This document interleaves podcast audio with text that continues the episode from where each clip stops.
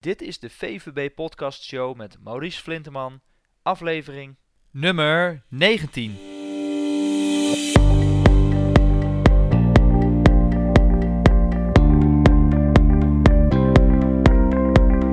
Welkom bij de VVB Podcast Show, waarin je luistert naar experts die je voorzien van de beste informatie, tips en tricks om het rendement op je vermogen te optimaliseren. Vandaag uh, in de podcast uh, zijn we, zitten we wederom in gesprek, of zijn we in gesprek met Ben Grangier van Morningstar.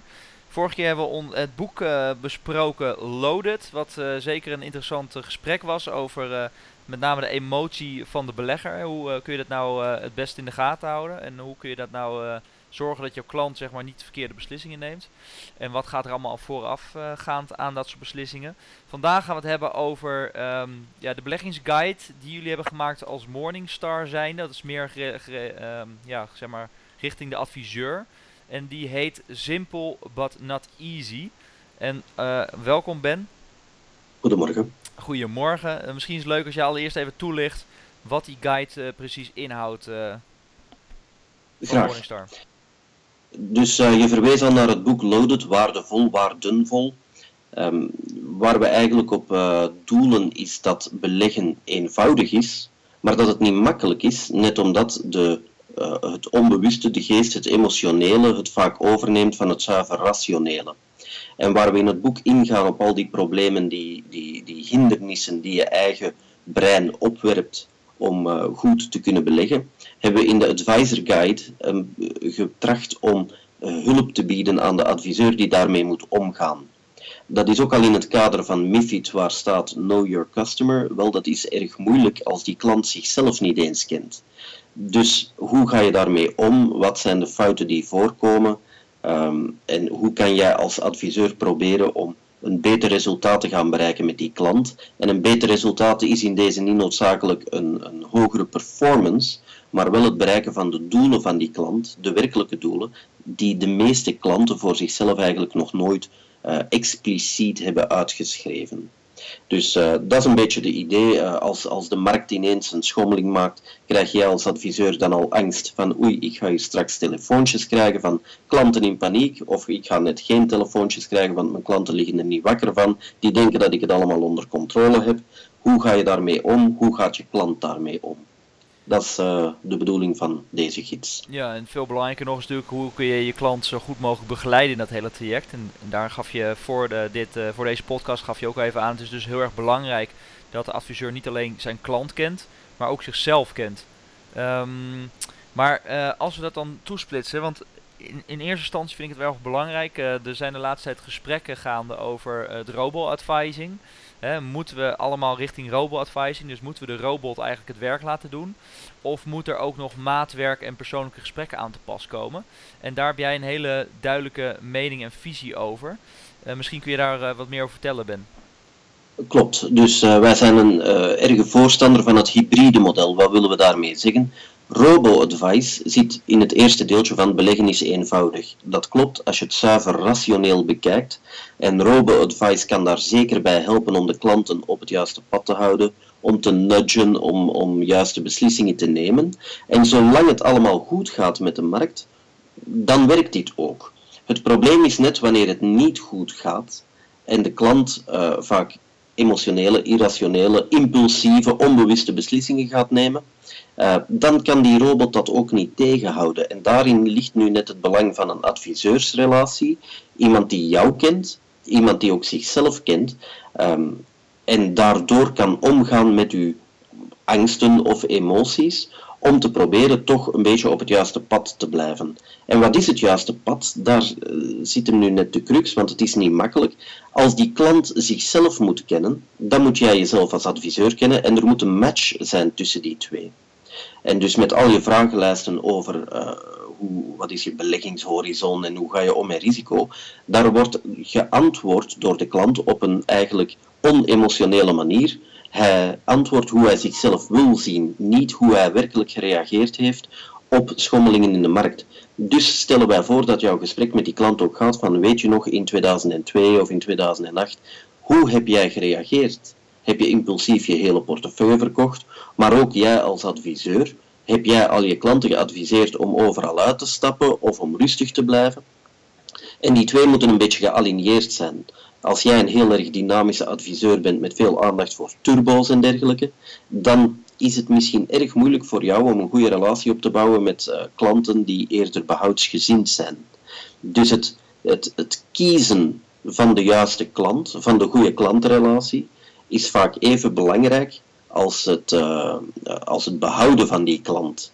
En uh, met alle begrip voor het feit dat je natuurlijk zoveel mogelijk klanten wil hebben, maar de klanten die niet bij jouw advies passen, de vraag is maar of dat je die op lange termijn kan bijhouden.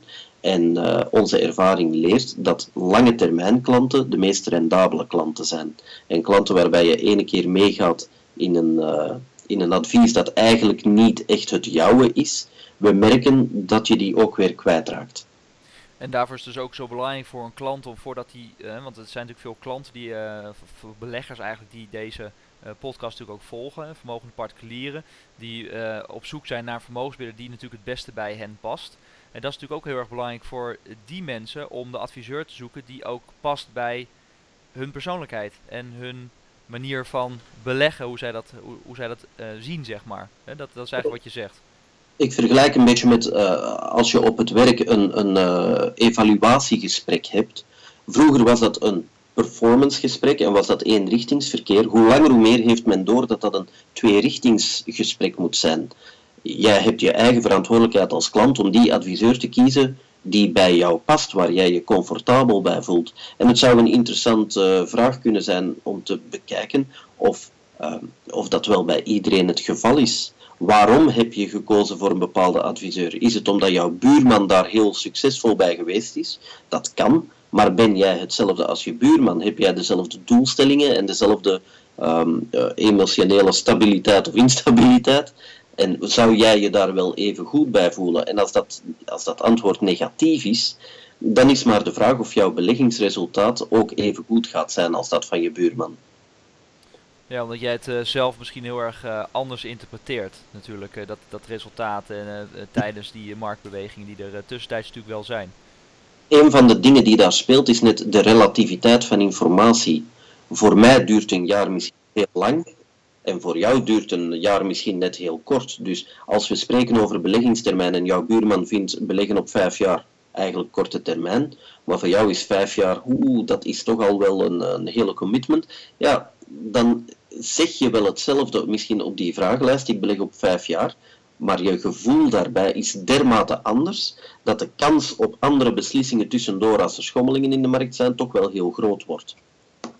Ja, dus uh, dit is goed om uh, zo meteen nog eventjes te hebben over de toegevoegde waarde van een, een daadwerkelijke adviseur die dan daarin begeleidt. Maar uh, als we de, het, het rapport die we ook op de website, het pdf op de website zullen we, zullen we die zetten, daar spreken jullie ook over uh, wat de reden is waarom uh, we why we shoot ourselves in the foot. Hè, dus dat is het, het, probleem wat er eigenlijk wordt geschetst.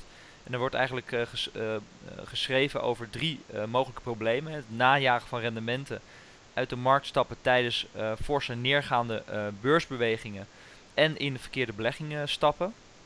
dat is eigenlijk het grootste probleem. Kun je, kun je dat nog even toelichten wat, wat jullie daar precies mee bedoelen, Ben? Wel, um het najagen van de return, het zit hem eigenlijk in een fout taalgebruik dat in het beleggingsadvies geslopen is. Um, chasing returns, het najagen van de goede performance van het fonds dat vorig jaar het beste gepresteerd heeft, um, dat komt omdat in ons brein alle woorden die daar gebruikt worden van dit uh, aandeel of fonds is zoveel gestegen en heeft zoveel winst gemaakt en is zo geweldig, um, dan is die, dat, dat triggert allemaal reacties in je hersens om te zeggen van dat wil ik ook. Maar de vraag is, onderliggend en rationeel, als een aandeel al zo sterk gestegen is, wat is dan nog zijn verdere stijgingspotentieel? Eigenlijk zou je beter spreken over het verdienmodel van dit aandeel is nu minder interessant dan dat het vorig jaar was voor die hele stijging. Maar als je in de krant of bij een adviseur komt die spreekt over ja, dit aandeel is zwaar gedaald, dat is een rood licht in je hersens. Eigenlijk zou je moeten zeggen, de reële onderliggende fair value van dat aandeel is nog steeds hetzelfde. De schommeling in de markt heeft het alleen maar interessanter gemaakt, dus je winstpotentieel is hier groter. En dat leidt automatisch naar probleem 2. Als je een aandeel koopt omdat alles zei van dit is al heel sterk gestegen, dan ga je even later ongelukkig zijn als het inderdaad niet meer zo sterk stijgt of misschien zelfs terugdaalt en ga je het verkopen. Dus als je telkens koopt iets dat al gestegen is en het dan verkoopt omdat je ongelukkig bent wanneer het terugdaalt, ja, dan, dan wordt het erg moeilijk om winst te maken. Dus dan kom je aan probleem 3, het kiezen van niet de geschikte belegging voor jou. Ehm, heel eenvoudig gezegd, wat is de geschikte belegging voor jou? Dat hangt samen met je doel, dat hangt samen met je, um, je, je appreciatie van risico en volatiliteit. En als je dan in de krant alleen maar leest over geweldig presterende dingen vorig jaar, die op één jaar, weet ik wat, 30, 40, 50 procent gestegen zijn, en je koopt dat, dan zet je jezelf eigenlijk al op voor de val. Dus wat is de taak van de adviseur daar? Om inderdaad in zijn taalgebruik aan die klant duidelijk te maken. En pas op, dit komt vanuit een achtergrond bij Morningstar. Wij zijn eigenlijk value beleggers. Dus uh, als iemand een, een daytrader is, een dagtrader die continu op de schommeling van de markt speelt, heb je een heel ander gesprek. Maar iemand die zegt, ik kom bij jou om op lange termijn te beleggen, om mijn pensioen veilig te stellen, om goed te kunnen leven, om mijn kinderen iets na te kunnen laten, dan moet je die ook in zijn portefeuille um, duidelijk maken dat het doel niet bereikt wordt door enkel uh, de, de hot stocks te kopen, maar wel door op lange termijn value gebaseerd die dingen te kopen die uh, rendement gaan brengen.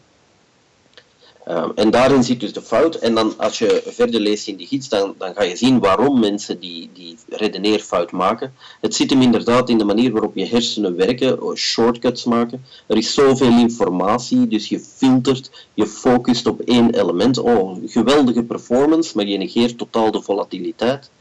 Soms gaan mensen proberen om het overmatig te simplifiëren. Namelijk, als je iets niet begrijpt, uh, dan ga je beslissen op dat ene ding dat je wel begrijpt. Je wil een nieuwe auto kopen en de verkoper komt bij jou met paardenkracht en volume, een aantal klippen en uitstoten. Het enige wat jij ziet is, wauw, die heeft een prachtige mooie blauwe kleur, ik wil die blauwe.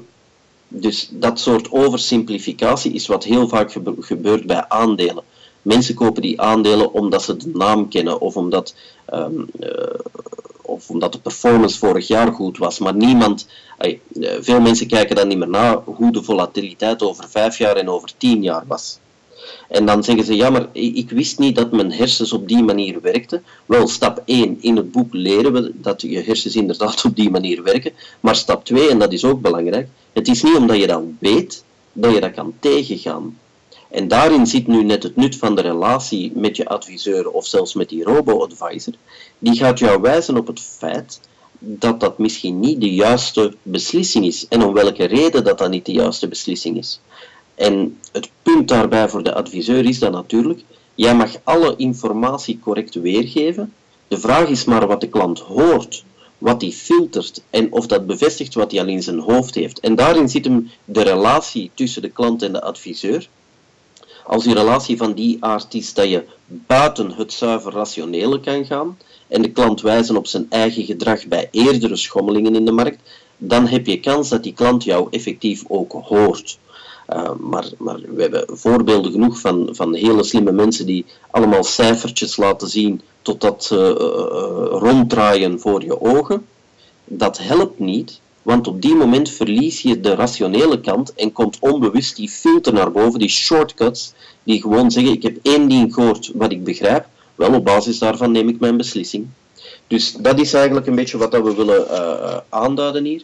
Wees je bewust van het feit uh, dat die klant beperkt is in zijn mogelijkheden en zorg ervoor dat je daarmee om kunt gaan, dat je daar kan op inspelen. En Ben, uh, jij hebt in de gids of in de guide, uh, heb jij, uh, of hebben jullie als Morningstar zijnde drie manieren genoemd om, het, om dit beter te doen. Kun je daar een aantal van opnoemen? Wel, dit was eigenlijk half een grapje. Want de drie manieren om het beter te doen zijn heel erg overweldigend. De eerste was het grote voorbeeld Warren Buffett. zorg dat je heel je leven zuiver focust op beleggen en psychologie. En dat is wat Warren Buffett heeft gedaan. Hij doet één ding en niets anders. De vraag is maar hoeveel mensen dat inderdaad kunnen doen. De tweede manier, en die komt wel vaak voor, is het outsourcen. Je hebt een heleboel mensen die gewoon hun uh, kapitaal in beheer geven aan een adviseur, een private bank, een bank, wie het ook mag zijn, maar dan denken dat ze er zelf vanaf zijn en er niet meer op moeten letten. En dat is misschien ook niet de, de hele juiste manier. Je blijft altijd zelf verantwoordelijk voor je kapitaal. Um, al is het alleen maar omdat als je je er niet goed bij voelt, dat de kans heel groot is dat je uh, ondoordachte beslissingen gaat maken. En dan tenslotte heb je mensen die zeggen, ik hou het super eenvoudig en ik gebruik uh, uh, de automatische piloot. Um, ik ga eigenlijk mijn beleggingen niet meer opvolgen. Ik zet gewoon iets in de een of andere indexfonds of passieve benadering en dat moet het dan maar zijn. Dat hoeft niet per definitie fout te zijn, maar de vraag is, wat gebeurt er bij marktschommelingen? Als inderdaad de, de um, brede markt op en neer gaat, moet je dan niet bijsturen? Moet je dan uh, je assetallocatie niet veranderen? Dus die drie manieren waren eigenlijk meer een grapje bedoeld om mensen te wijzen op de meest gebruikte uh, fouten. Ofwel trek je er veel te veel van aan, ofwel trek je je er niks van aan. En er moet een gulden middenweg zijn. En dat is een beetje wat we willen bereiken. En dat is ook het, het belang van een adviseur. Dus ondanks het feit dat Morningstar ook investeert in robo-advice laat ons heel duidelijk zijn dat wij heel veel onderzoek doen naar de meerwaarde van een adviseur, de advisor gamma, de, de extra performance die je krijgt door goed advies, en dat wij echt wel overtuigd zijn dat een goede professionele adviseur die rekening houdt met meer dan het zuiver beleggen, maar inderdaad met een, een holistische benadering, namelijk wie is mijn klant, wie ben ik, wat willen we hier samen bereiken, ja, dat die een, een heel gunstig effect heeft op het uh, lange termijn resultaat van een portefeuille. Ja, dat is natuurlijk het, lastige van alles. Hè? Want ik denk ook wel degelijk dat een adviseur uh, toevoegde waarde heeft in, uh, in meerdere facetten. Hè? Met name wat je net al aangeeft. Dus dat je natuurlijk te maken krijgt met uh, een, een, klant die het simpel houdt en bijvoorbeeld op de automatische piloot het zet. Maar ja, als er een beursdaling is, hoe ga je daarmee om? Hè? Word je bijvoorbeeld emotioneel of zijn er klanten die misschien die beursbeweging helemaal niet gezien hebben, waardoor ze weer bepaalde zaken mislopen? Hè? Door wat je zelf al zegt, bijvoorbeeld de S-allocatie aan te passen. Hè? Dus je, je beleggingscategorieën zoals aandelen, obligaties, die weer te, te herbalanceren. Dus er is absoluut een toevoegde waarde alleen van de adviseur. Alleen het is heel lastig te meten, want het is niet onderaan de streep dat je kunt zeggen, ja, als je dit niet had gedaan, dan was jij, had je nu uh, eh, 5 of, of 10% meer gehad. Um, Morningstar heeft daar wel een beetje een schatting naar gemaakt. Hè, wat de toegevoegde waarde van een adviseur in procent op jaarbasis? Uh, kun, kun je daar wat meer over vertellen, Ben? Uh, dat kan, dus het ging over iets, het, het lijkt heel weinig te zijn als we dat zo zeggen, maar het ging over iets van een 1,2% op jaarbasis. Maar dus over de looptijd van een portefeuille die dan gemiddeld werd geschat op 10 tot 15 jaar, spreken we over 22 à 23% meer rendement op basis van de adviseur die inderdaad de juiste assetallocatie kiest, maar misschien ook het juiste producttype met al dan niet fiscale voordelen. Um, dat zijn allemaal kleine percentjes. Uh, maar daar maken we uh, grapjes over in de stripverhalen al van toen we jong waren. Kleine percentjes maken grote ventjes. Het maakt wel degelijk een verschil. En 20% op een rendement, ja, krijg je 100 euro of krijg je 120 euro terug mee naar huis. Dat, dat is toch wel een relevant verschil op het einde van de looptijd. Ja, precies. En daar hebben jullie, geven jullie ook uh, de rules of thumb, dus een beleggingsregel aan. Uh, dat als je 10 opties hebt, dat je eigenlijk in elke optie uh, min of meer 10% van je vermogen in zou moeten beleggen om het goed breed gespreid te houden. Dat is eigenlijk wat jullie, wat jullie aangeven. Wel, de rule of thumb, dat is niet noodzakelijk wat wij adviseren, maar um, als je niet meer nadenkt, dus als je weer overweldigd wordt door de keuze en je ondervindt wat we noemen choice paralysis, Um, het beste voorbeeld is daar, dit, dit, is uh, weer een typisch Amerikaans verhaal, maar ik uh, ben in de Verenigde Staten en ik ga een Kmart binnen om ik ga een jeansbroek kopen. Wel, als ik hier in België de winkel binnen ga, dan heb ik keuze uit twee of drie modellen en dat gaat heel goed. Je pakt diegene die mij het beste past. Ginder ga je binnen en je hebt een, een warenhuis, vol, met duizenden en duizenden jeansbroeken. Ik ben daar buiten gegaan zonder jeansbroek. Dat, dat, dat was te veel. Op basis van wat kies je in godsnaam nog? Zoveel merken en zo weinig verschil en het lijkt allemaal hetzelfde. Op den duur ziet er allemaal gewoon hetzelfde uit voor mij. Dus dat is wat je daar zegt. Um, die rule of thumb is, ik wil een goede spreiding. Ik zie door de bomen het bos niet meer gewoon 10% in 10 keuzes. Het zal wel goed zijn. Dat is dus niet correct, maar zo werken je hersenen wel. En dan komen we bij um, het, het, punt over die vragenlijsten inderdaad. Hoe moet jij als adviseur zo'n inschatting maken? Je hebt een vragenlijst eh, in, onder MIFID of uh, voor een profilering van je klant. Wel, dat ding focust alleen op de beleggingskant. En ik zeg niet dat dat fout is, we zeggen wel dat dat te beperkt is. Dus wij suggereren dat jij als adviseur een paar extra vragen zou mogen stellen, of de vragen anders verwoorden, waardoor ze minder eenzijdig over dat beleggen gaan. Want op het moment dat je die vraag stelt, gaat de klant denken: ik ben een heel erg rationeel, uh, uh, slim mens en ik zou onder deze omstandigheden deze keuze maken. Terwijl je in de praktijk merkt dat zelfs de slimste mensen helemaal niet zo rationeel zijn als ze zelf denken. En wat ik er juist al aanhaalde, de drie, drie elementen die we willen toevoegen aan die vragenlijst, één daarvan is namelijk de relativiteit van je tijdservaring. Wat voor u lange termijn is, hoeft dat niet voor mij te zijn. En dus als je die vraag een klein beetje anders gaat stellen, niet wat is je beleggingshorizon, maar bijvoorbeeld uh, uh, hoe ervaar jij een, uh, de duur van een jaar? Als je weet dat je volgend jaar op vakantie gaat naar Australië, is dat dan nog ellendig lang ver weg? Of is dat met je ogen knipperen en we vertrekken al? Als je weet dat je binnen twee weken gaat skiën, is dat dan in jouw ogen van, goh, nog twee keer slapen en ik ben weg? Of is dat, oh nee, nog twee weken, dat duurt nog zo lang? Dus die relativiteit van tijd is een, is een heel belangrijk punt. Een tweede punt is de locus of control, namelijk dat wil zeggen wie is de baas over wat er gebeurt met je leven. Ben jij de baas en bepaal jij de, de, het verloop van je leven? Of ben jij, slachtoffer is een slecht woord, maar word jij geleid door de context? Ja, ik kan niet zomaar op vakantie gaan, want mijn werk, uh, want mijn vrouw, want mijn vrienden, want mijn familie. Er zijn honderdduizend redenen waarom je iets niet zou kunnen doen. Um, maar sommige mensen zeggen, ondanks alles ben ik degene die beslist of ik wel of niet ga. En het derde punt is dan die uh, emotional drivers, namelijk datgene wat helemaal niet rationeel is, maar waardoor jij toch een heel aantal beslissingen neemt. Waarom wil je beleggen? Um, is, uh, ik denk dat we vorige keer ook al gesproken hebben over uh, als ik beleg voel ik mij rijk of hip of modern. Of is beleggen aan zich helemaal niet het doel, maar gewoon een middel om iets te bereiken. En wat is dat iets dan? Is dat onafhankelijkheid? Is dat vrijheid? Is dat luxe? Is dat... dat moet jij gaan begrijpen als adviseur. En die vragen, als ik daarnet zeg hoe lang voelt een jaar voor jou, dat lijkt een hele uh, uh, simplistische vraag, maar je zou verschieten over het verschillende antwoord. En vaak heeft dat ook met leeftijd te maken. Voor iemand van 20 jaar is een jaar heel erg lang. Voor iemand van 80 jaar is een jaar met je ogen knipperen. Of uh, voor jou kan een dag heel lang lijken, maar de week vliegt voorbij. En een van de dingen om daarmee om te gaan is dan te kijken naar uh, hoe zie jij jezelf binnen een jaar, binnen tien jaar. Um, en daaruit leer je dan hoe iemand zou willen zijn. En dat is een heel krachtig wapen op het moment dat hij dan inderdaad terug bij jou komt met een emotionele beslissing. Verkoop alles, want de markt is gedaald.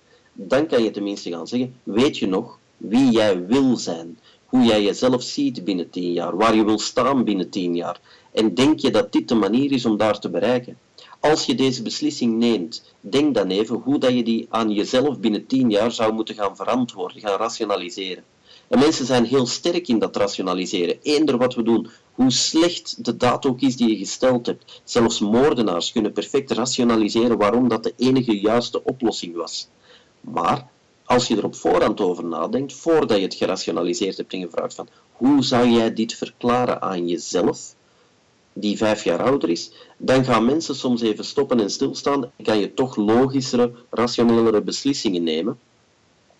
Um, en een, manier om dat te doen is ook te vragen van wie ben jij? Hoe lang plan jij vooruit? Maak jij een weekplanning? Maak jij een maandplanning? Weet je nu al waar je binnen drie jaar op vakantie gaat gaan? Of weet je amper waar je, uh, uh, wat is de eerstvolgende vakantie, de krokus of zoiets? Uh, weet je dan al wat er gaat gebeuren? Of zien we wel um, de avond ervoor van, hey, zullen we misschien toch nog op vakantie gaan? Dat soort vragen, dat soort, hoe voel jij je uh, bij je, bij je financiën, hoe, hoe ga je daarmee om, is veel breder dan louter de, de risicovragenlijst. Maar dat wil niet zeggen dat die risicovragenlijst onnodig is. Het wil alleen zeggen dat je die wat open moet trekken. En als je dat doet, krijg je informatie over je klant die, die veel zinvoller is in uw beleggingsrelatie dan zuiver uh, hoe zou jij reageren als de markt 5% naar beneden gaat. Want het antwoord dat je krijgt is het rationele overdachte antwoord. En als je vraagt hoe heb jij de laatste keer gereageerd toen je portefeuille 5% naar beneden ging, dat leert je veel meer over wat je mag verwachten in, in de toekomst.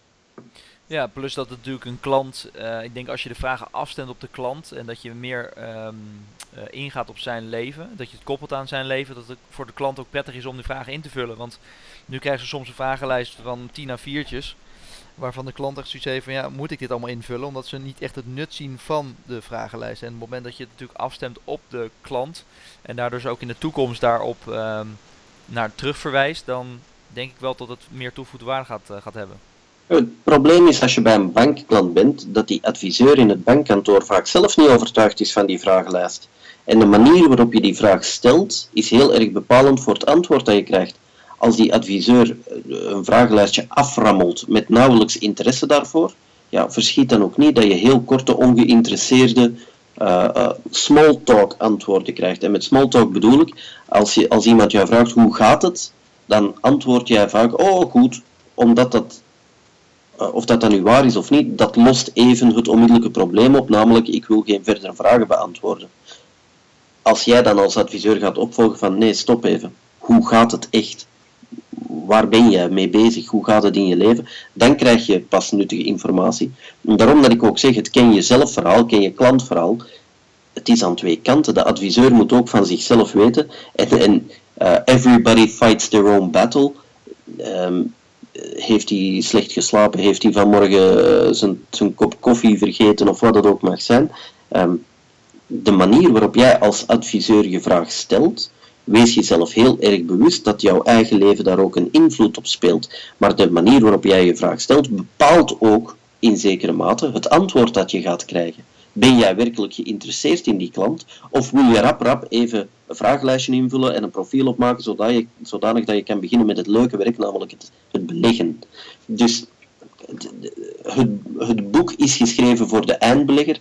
De, de advisory guide is eigenlijk bedoeld om de adviseur even bewust te maken van pas op man, jij speelt hier ook een heel belangrijke rol in. Wees je bewust van je eigen processen uh, evenzeer als dat je probeert bewust te worden van de processen die bij je klant spelen. Ja, jullie noemen het als Morningstar, noemen jullie het eigenlijk de holistische kijk op de doelen en uh, ja, zeg maar het, financiële plaatje van de klant. Hè? Uh, dat is eigenlijk, want kun je dan nog even meer toelichten wat je bedoelt met een holistische view of holistische kijk op, op de zaken? Wel, heel simpel gezegd is dat het niet een, een, een beleggingsadviesrelatie hoort eigenlijk niet beperkt te zijn tot beleggen. En holistisch wil zeggen um, dat je breder kijkt. En dat gaat uh, over de assetallocatie. Ik, ik meen dat ik vorige keer al even heb aangehaald. We zijn ooit begonnen met um, holistische assetallocatie. wil zeggen dat je niet louter kijkt naar het geld dat in de portefeuille zit, maar dat je ook kijkt naar wie je voor je hebt en, en dienstverdienpotentieel. Wat ik vorige keer zei was, een ambtenaar mag meer risico nemen, omdat hij een zekerheid heeft van inkomen. Terwijl een kleine zelfstandige misschien wat voorzichtiger zou moeten zijn, omdat die net uh, onzeker uh, is wat betreft zijn inkomen in de volgende jaren. Waar maar waar zie je in de praktijk net het omgekeerde. Een kleine zelfstandige is een ondernemer die risico durft nemen, terwijl de ambtenaar eerder de veilige man is die, die uh, passief gaat beleggen. En dat is een beetje in tegenspraak met wat je zou mogen doen. Dus hou daar rekening mee iemand die zijn huis bezit of, of een tweede huis bezit, heeft een veel uh, veiliger financiële situatie dan iemand die uh, huurt op korte termijn. Hou daar rekening mee in je assetallocatie. En nu gaan we nog een stap verder, namelijk, um, wat is jouw verdienpotentieel? Veel mensen uh, hangen hun identiteit vast aan hun job. En denken dat als ik morgen mijn job verlies, dan, dan heb ik niks meer, dan ben ik niks meer. En we proberen je ook bewust te maken van het feit dat je job eigenlijk alleen maar een middel is. Je inkomen hangt samen met jouw assets, namelijk jouw capaciteiten om geld te verdienen. En jouw capaciteiten kunnen heel andere dingen zijn. Je bent misschien heel erg goed in, in uh, um, contact met mensen, of je bent heel, heel extrovert of je bent een hele goede analytische geest of wat het ook mag zijn, wel dat is jouw asset waarmee je inkomen kan verdienen. Maar dat inkomen hangt niet samen met deze ene job. Deze ene job kan je even zo goed voor iemand anders of in een andere context doen. Je hebt nog steeds een analytische geest of je bent nog steeds heel uh, sociaal en goed in het contact te leggen. En dus we, we, gaan mensen ook een beetje bewust maken van het feit dat ze heel vaak in hun hoofd grenzen stellen of, of uh, relaties leggen die niet noodzakelijk zo uh, strikt of vast hoeven te zijn. Dus in dat holistische zit ook een stukje um, wat de klant bij zichzelf moet doen, wat niet noodzakelijk de taak van de adviseur is natuurlijk, je bewust worden van je eigen waarde. En daar hangt ook bij je bewust worden van je eigen waarden, namelijk wat wil ik bereiken, maar ook wat ben ik bereid om te doen om dat te bereiken. En daarin zit al vaak het probleem dat je in een bepaalde job vastzit, dat mensen denken van ik moet dit doen, hoewel ik niet gelukkig word van deze job, maar ik moet dat doen omdat ik hier geld mee verdien. Wel, de vraag is maar, ehm, wat zijn je werkelijke assets en je werkelijke waarden? En zou je misschien evenveel kunnen verdienen, maar veel gelukkiger zijn? Of zou je misschien iets minder kunnen verdienen, maar veel gelukkiger zijn? En voor hetzelfde geld zou je veel meer kunnen verdienen en gelukkiger zijn. En daar gaat het een beetje om. Dat holistische focust meer op, ben jij gelukkig in je leven? En sommige mensen zijn gelukkig met 50.000 euro en sommige mensen zijn niet gelukkig met 500.000 euro. En dat moet jij als adviseur weten. Als je iemand bij je krijgt die inderdaad um, heel ongelukkig is met een inkomen van 250.000 euro per jaar, zou je moeten kunnen achterhalen waarom dat zo is. Want dat gaat heel erg bepalen of jouw advies succesvol is of niet. En als dan blijkt dat hij uh, de zoon is van een heel erg succesvolle vader, en dat hoe goed hij het ook doet in het leven, het zal nooit genoeg zijn, want zijn vader zou het beter gedaan hebben. Uh, dan krijg je zo'n soort uh, de zonen van Donald Trump syndroom. Of die jongens nu clever zijn of niet, ik denk dat die altijd met een, een uh, hoe, hoe zeg je dat? Die gaan zichzelf altijd overmatig willen bewijzen, omdat ze papi achterna willen gaan. Kan je even succesvol zijn als je vader? Misschien wel of misschien niet, maar zou je geluksgevoel daarvan mogen afhangen? Ik denk dat dat uh, voor een adviseur heel erg moeilijk wordt, want of dat je nu 5% rendement had of 10% rendement, het gaat nooit genoeg zijn voor deze klant. En dan moet je van jezelf weten, kan ik daarmee leven of niet? Ja. Als je ja, ja krijg je daar genoeg inkomen van? Dan is het antwoord misschien ja. Uh, zeg je van nee, ik ben continu gefrustreerd met die mens, ja, dan misschien beter niet. Ja, en het verhaal kun je ook omdraaien voor de klant. Hè. Wanneer ben je als klant, wanneer ben je tevreden als je wat, uh, wat voor rendement behaald hebt en, uh, en hoe ga je dat dan behalen. Dus bedankt Ben, heel interessant. En dan gaan we afronden, anders wordt het wat te lang. de guide is in ieder geval voor de adviseurs op onze website te downloaden. En anderszins um, ben jij een podcastluisteraar en je bent zelf belegger, dan is het natuurlijk wel interessant om te kijken naar het boek wat jullie naar Nederland gaan halen, Loaded. En dat is ook, daar hebben we ook samen een podcast vorige keer over gedaan. Die, zal, die link zal ik er ook bij zetten en die kunnen ze eventueel bestellen bij jou. Dankjewel Maurice. Jij ook bedankt Ben en ja, hopelijk zien we elkaar in de toekomst weer om wellicht nog een keer een podcast op te nemen. Bedankt voor jouw toelichting in ieder geval. Graag gedaan. Oké. Fijne middag. Hetzelfde, Ben. Bedankt voor het luisteren naar onze podcast met Ben Grangier van Morningstar. Wil jij nou alles weten over het boek Loaded? Dat gaat over geld, psychologie en natuurlijk het bewustzijn. Dan uh, raad ik je absoluut aan om naar onze website te gaan: vuvb.nl/slash 16. Ik herhaal: vuvb.nl/slash 16.